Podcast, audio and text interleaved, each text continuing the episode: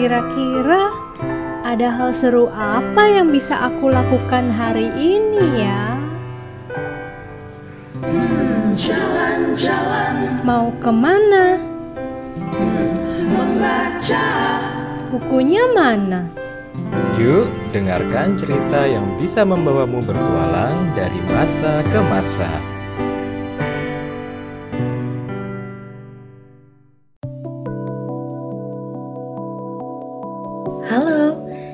J. Effendi, penulis dan editor lepas. Saya juga writing coach yang membantu para penulis mengembangkan cerita sejak embrio ide hingga naskah selesai. Dalam siniar kali ini, saya akan memberikan tip melakukan swasunting atau penyuntingan naskah sebelum dikirim ke penerbit atau dipublish di platform menulis online.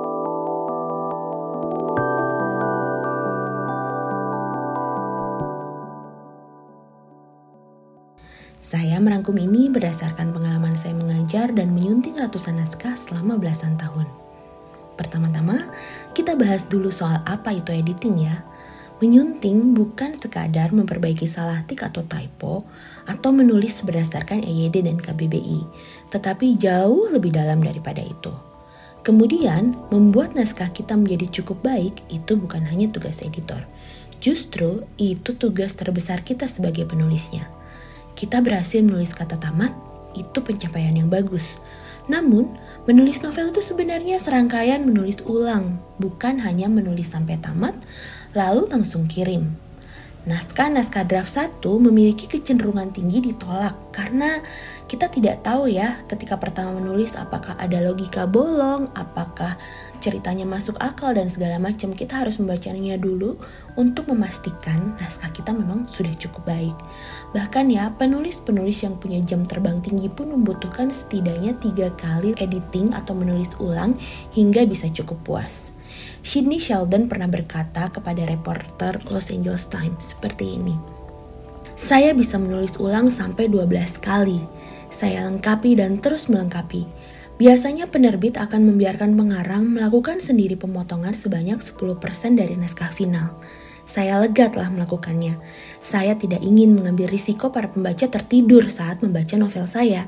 Saya ingin menahan pembaca sampai empat halaman, lalu empat halaman lagi, hingga akhirnya dia tidak tidur sampai pagi demi menyelesaikan buku saya. Leo Tolstoy juga menulis ulang War and Peace sampai 26 kali selama 6 tahun itu di zaman belum ada komputer, belum ada track changes, belum ada Google Docs. Menulis sekarang ya nggak se ekstrim itu ya, karena zaman juga sudah berubah. Kita juga semakin dimudahkan sebagai penulis. Dan kalau kita nulis naskah, satu naskah selama enam tahun, ya sekarang nggak bisa sih karena kita harus selalu kelihatan gitu untuk untuk tetap bisa menjual buku. Nah, editing itu terdiri atas beberapa tahapan. Pertama ada yang dinamakan editing substansi. Ini tuh fungsinya untuk memeriksa naskah secara garis besar. Jadi ketika kita sudah selesai uh, menulis, kita akan mendiamkannya dulu mungkin selama satu minggu atau dua minggu. Kenapa? Karena kita butuh butuh sedikit jarak dari naskah kita gitu. Karena mungkin kita udah menulis selama berbulan-bulan kita selalu memikirkan tokoh-tokoh kita selalu memikirkan konflik apa yang akan mereka dapatkan dan lain-lain. Nah, kita butuh jarak dulu dari mereka biar kita bisa menilai naskah kita secara lebih objektif. Jadi ketika kita membaca pertama, kita akan merasakan naskah itu. Karena Karya fiksi itu tujuan utamanya adalah untuk membuat pembaca merespons naskah itu secara emosional gitu. Jadi biar uh, pembaca merasa. Makanya ketika kita membaca ulang naskah kita, kita rasain dulu naskahnya gimana feelnya gitu apakah sesuai dengan apa yang kita harapkan gitu apakah misalnya ketika ketika gula-gula menulis novel romance gitu apakah kalian juga merasakan ada debaran-debaran gitu ketika membacanya atau enggak? Kalau enggak berarti gagal, berarti kita harus memperbaikinya. Jadi kita rasain feelnya. Lalu juga ketika kita membaca kita rasa-rasakan juga di mana kita merasakan bosan. Di mana kita merasa malas meneruskan, di mana kita pengen melempar naskah itu, udah aku gak mau baca lagi. Nah itu jangan jangan sampai uh, pembaca merasakan hal seperti itu, makanya kita harus memperbaiki naskahnya agar lebih baik gitu. Terus kita juga akan cek ketika editing substansi ini, apakah kita merasa tokohnya tidak berkembang atau tiba-tiba melenceng jauh tanpa aba-aba, lalu juga cek apakah alurnya masuk akal dan pokoknya kita ketika melakukan editing substansi kita membaca naskah itu seolah-olah itu adalah novel orang lain gitu. Nah, ketika masalah substansi beres, kita bisa melakukan line editing. Sesuai namanya, line editing adalah memeriksa baris per baris dalam sebuah naskah. Poinnya memastikan logika kalimat, informasi yang disampaikan itu sudah betul.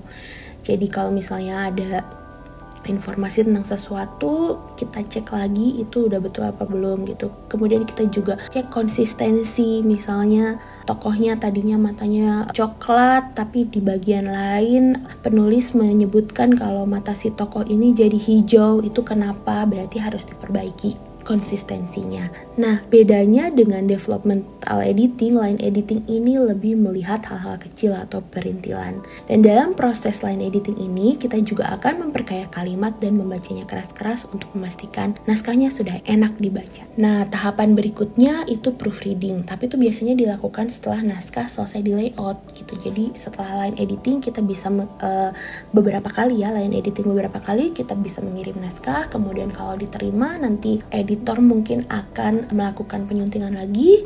Kalau semuanya sudah beres, masuk layout dan proofreading. Proofreading ini dilakukan untuk memastikan naskah memang sudah layak terbit gitu, tidak ada sampah-sampah kecil kayak typo atau salah penulisan dan lain-lain. Nah, Mungkin teman-teman akan bertanya, bagaimana dengan naskah kejar tayang yang di platform online? Gak mungkin kan ya kita menunggu dulu naskah sampai selesai, karena bisa nulis bisa berbulan-bulan gitu. Sementara kita udah tanda tangan kontrak gitu, kita nggak bisa nunggu dulu dua minggu untuk berjarak untuk ngedit karena udah ada jadwal tayang. Nah, untuk kasus seperti ini saya menyarankan agar gula-gula merencanakan novelnya secara detail sejak awal agar tidak ada celah untuk plot bolong atau kesalahan besar yang berkaitan dengan substansi. Nah, oleh karena itu, teman-teman baik yang menulis untuk penerbit maupun untuk platform online harus memahami struktur naratif. Struktur naratif itu apa? Itu alat untuk membuat struktur cerita kita jadi lebih enak dibaca dan teman-teman juga harus membuat karakterisasi yang fix sebelum mulai menulis. Kalian juga harus cermat memilih dari siapa cerita dikisahkan dan memastikan suaranya konsisten. Kalau plot sudah oke okay sejak awal, kita bisa menulis dengan lebih lancar dan kita bisa melakukan line editing tipis-tipis sebelum publish. Jadi nggak usah melakukan uh, editing substansi. Nah, itu dia tip melakukan swasunting naskah novel.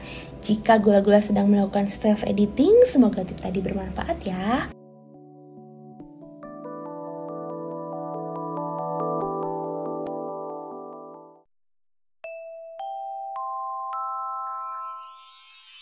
Demikian kisah